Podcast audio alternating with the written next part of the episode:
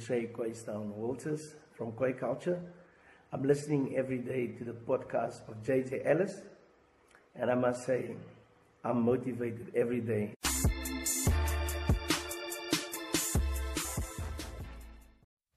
Yes, dit is uh 5 minute voor 12. Dit is die 16de Julie. Ehm um, Maandag. Dit was 'n redelike lang dag. Nou dat ek winter is, nou uh, moet ek kan ek maar Maandag, nie kan ek maar nie maar. Nou gaan ek Maandag, ek tel die mense wat plaas toe gaan 'n bietjie later op so dit. Tel hulle nou so kwart oor 5 in die oggend op. Ehm um, so waar ek gewoonlik waar gewoonlik so half 4 opstaan, staan ek nou uh so so half 5. Ja, so by half 5 se kant. 20 oor 4 half 5 se kant staan ek op. En dan uh dan raak dit 12 uur, soos nou. Ehm um, My dag was my dag was alright. Ehm um, kom ek ek het nou actually gedink voor die tyd daaraan wat my highlight van die dag was. Ehm um, en dit was actually so 'n snaakse storie van uh van my en my ma wat ek wat ons altyd so gelag het dat die trane loop want uh in die kluis in die kluis ehm um, as so 'n klein laaitjie binne. Nou boop die laaitjie waar dan nou die die note gesit.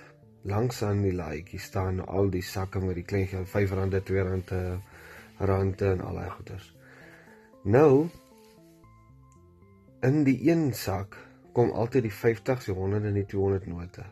In die 10 en die 20s kom gewoonlik in sy aparte banksak.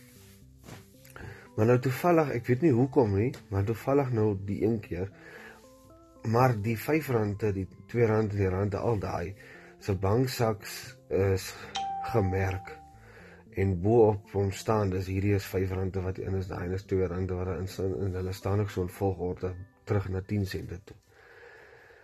Maar nou toevallig nou staan die 10 en die 20s regop, maar nie bo op die laaitjie nie. Hier waar die R5 staan en die R2 en so. Nou soek my ma dit. nou vra sy vir my later, "Waar is dit?" Maar nou op daai stadium toe weet ek nog nie waar dit is nie. Sy sê toe vir my, "Maar sy kry dit nie, waar is dit?" Nou kyk ek daar in die kluis en ek sien maar dit is maar daar. Nou soek sy. Nou sê sy maar sy kry nie, sy maak die laaitjie oop en sy maak 'n ander sak met note oop en kyk of dit dalk daarin is. Nie. En sy kry dit nie. Maar dit staan reg reg voor in die kluis. En hoe meer sy soek en hoe meer sy frustreerd raak, hoe meer wil ek my breek. en nou wil nou lag sy ook maar later en maar sy is half so half sy lag omdat ek nou maar lag. Maar sy lag half so dat ek kry dit nie. Ek weet nie waar dit is nie. nou sê ek vir maar dit staan in die kluis, kyk net daar. En as jy weer vat, dan vat jy die sak langs en dan wil ek my breek. en nou sê sy, maar ek kry dit binne nie. Nou nou sê ek vir haar, pak dit uit. Nou pak sy alles uit daai kluis uit, alles. Sy kry dit nie. Maar die eerste sak wat sy gevat het dan was dit teen in die 20s. En net so die tyd wat sy dit so vat en neersit by haar en ek sien toe maar sy sien nie dit is dit. Nou breek my weer van voor af. Tot sy by onder dit weer teruggepak het.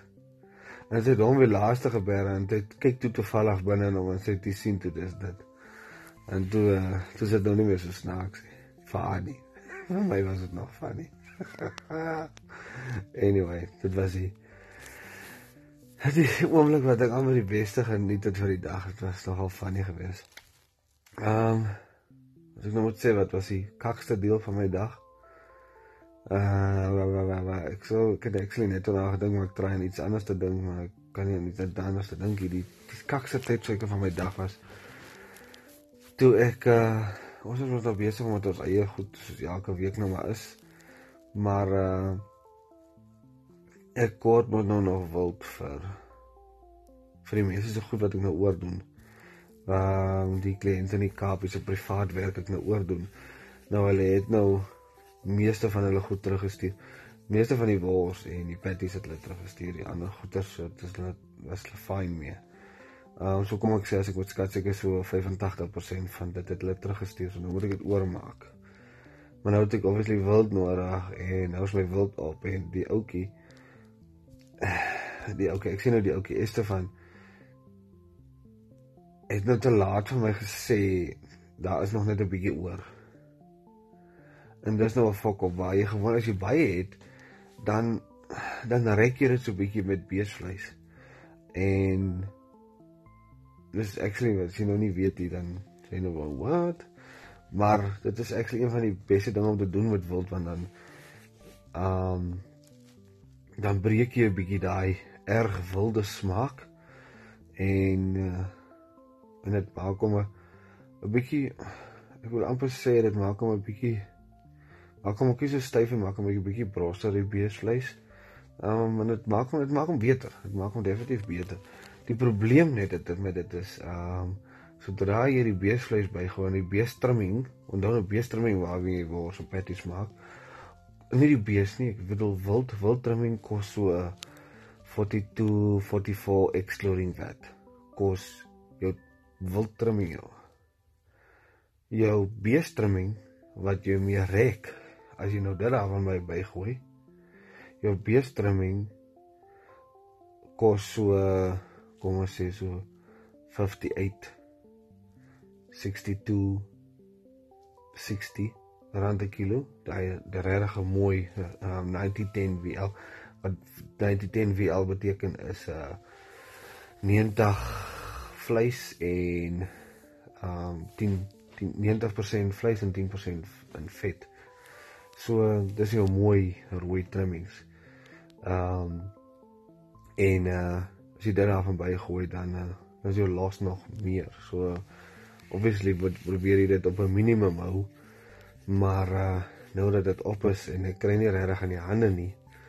Dit beteken nou vir my uh ek sal moet meer beesvleis bygooi en dit is nie heeltemal wat ek wil doen nie. Maar as ek nou nie ander uitweg het nie dan dan moet ek dit nou maar doen. Ehm um, die ander die eintlik die grootste rede hoekom ek dit nie wil doen nie is want ek het verloor in anyway. Ehm um, so die bedrag wat ek dit mee wat ek nou met beesvleis bygooi dit is nie die einde van die wêreld nie.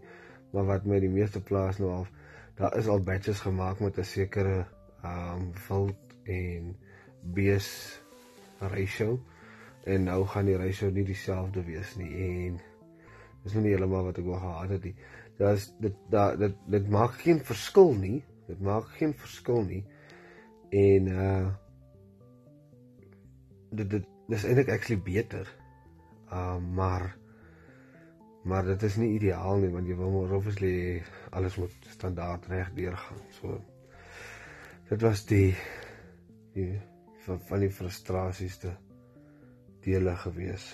Ehm um, verder ek gaan nou voorlopig môre aand nie 'n episode kan rekord nie. Ek gaan kyk dalk kan ek môre middag of oor môre oggend of so iets want uh, ek moet môre aand plaas toe gaan. Ek het met pa daar so 'n paar dinge wat ons moet uh, moet by mekaar sit en bespreek en goeders wat ons moet doen. En dan uh, dan gaan ek sommer slaap as wat ek nou moet terugry. Want Ek kan wat beteken sit ek self as daar tot 11 uur toe en nou moet ek nou terug ry. Ek het definitief nie lus om uit te terug te ry nie so. En uh dan gaan ek dan sommer daar slaap en dan kom ek weer terug so. Daar is 'n groot moontlikheid dat ek dan nou nie môre aand dat ek nou nie môre aand uh soos nou uh episode rekord nie. So dit is wat ek daarby kan noem en dan bring dit ons by die ons sê die nie tegnies die les van die dag nie, maar iets wat ek kan uitbring vir waarde vir die dag. Ehm um, as 'n quote wat ek môre gaan post wat ek uh, vanaand uitgehaal het uit my onderhoud saam met 'n uh, eh, oom Ernst Hendrik by die vir die wat nog nie weet nie by die JJ Ellison Co show. Uh, hy was so ruk terug as hy my uh, gas gewees. En uh, hy het toevallig gesê daar op 'n punt dat op die einde van die dag is dit wat jy daarvan maak. Is dit wat jy daarvan maak. Nou, dit is iets wat ek ek sê altyd, ek het altyd in die verlede gesê en obviously glo ek nog altyd daarin en ek sê dit nog altyd. altyd as ek met mense met daardie tipe topik gesels, dan is my redenasie altyd die gebou, die besigheid, die plaas, die whatever. Soos kom ek sê die delivery bak, ja, soos ek gewoonlik nou maar by die kort hou by die plaas of by die gebou. Dit op sy eie beteken niks. Het geen waarde nie. Behalwe as jy dit verkoop, dan het dit 'n resale value. Maar op sy eie en dit wat hy doen voordat jy hom verkoop, beteken niks nie. Hy hy kan niks doen vir homself nie. En dit las by by die redenasie en in die quote wat die oom ook gesê het is dit is wat jy daarvan maak. So op 'n plaas dit is wat jy daarvan maak op in 'n besigheid. Dit is wat jy daarvan maak.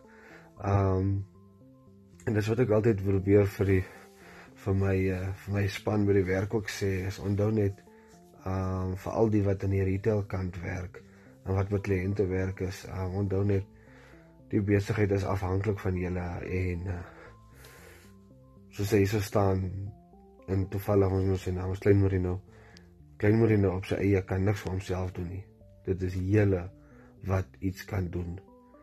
En is julle wat dit verteenwoordig en is julle wat iets waarde toevoeg tot die besigheid en obviously dan direk waarde toevoeg aan die kliënte. Um so dis wat ek altyd vir die mense probeer oordra. So dit is iets wat ek definitief mee mee saamstem ten volle. Um as jy nie as jy nie iets gaan doen daaromtrent as jy nie as jy nie self iets gaan create of iets gaan maak werk of iets produseer of iets omdraai of waarde bied of enige iets produktief gaan doen nie dan is dit wat jy ook al is kom ek maak 'n ander voorbeeld 'n graad ek het nou nie 'n graad of 'n diploma of enige iets soos daai nie maar ek glo ook dis ook 'n siening van my wat bypas is jy kan 'n graad hê maar dit is wat jy met daai graad maak wat die graad iets werd maak. Op sy eie kan hy niks doen nie. Um en daar is nou obviously seker mense wat 'n graad of 'n diploma wat ook al het wat nou met my sal verskil. Dis fyn. Stuur my 'n message, dan kan ek jy 'n uh, debat hê daaroor. Maar my redenasie bly, kom ons vat dit 'n dokter. Jy kry goeie dokters en dan kry jy slegte dokters. Maar al kom ons sê al twee dieselfde het dieselfde uh, kwalifikasies. Maar die twee verskil en dit dit sê vir my um die een wat beter is is omdat hy homself beter gemaak het met dit hy die dit sy kwalifikasies gebruik.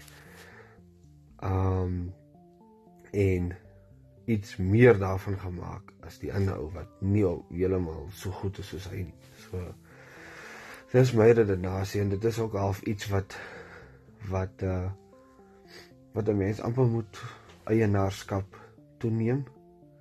Ehm um, ag 'n klein goedjies ook in jou lewe. Kom ons vat dit gewone job wat jy in is. Jy het 'n gewone werk, jy's 'n klerk of jy's whatever. Daai werk is dit wat jy daarvan maak. En dit moet ek nou sê in die in die verlede waar ek by plekke gewerk het, moet ek sê dat uh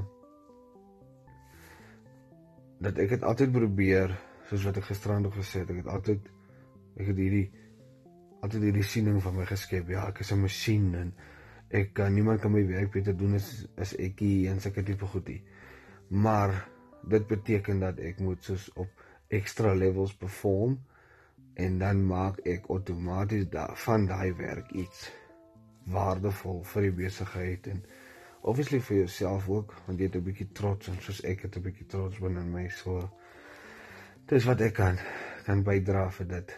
Anyway dankie vir die luister.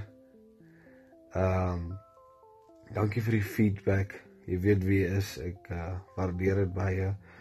En uh vir julle wat luister absolute sterre. Stermense is julle. Stermense. Ehm um, soos ek sê julle is welkom op my feedback, ehm um, kritiek, debat, punte oor te dra, 'n topic, ehm um, 'n idee, meer as welkom. Stuur my 'n message op Facebook of op Instagram of WhatsApp of whatever, wherever. Stuur my 'n message en dan uh en dan chat ons. Anyway, dankie vir die luister. Ek waardeer dit. Dit beteken vir my baie. Ek hoop jy het 'n fantastiese dag verder. Cheers.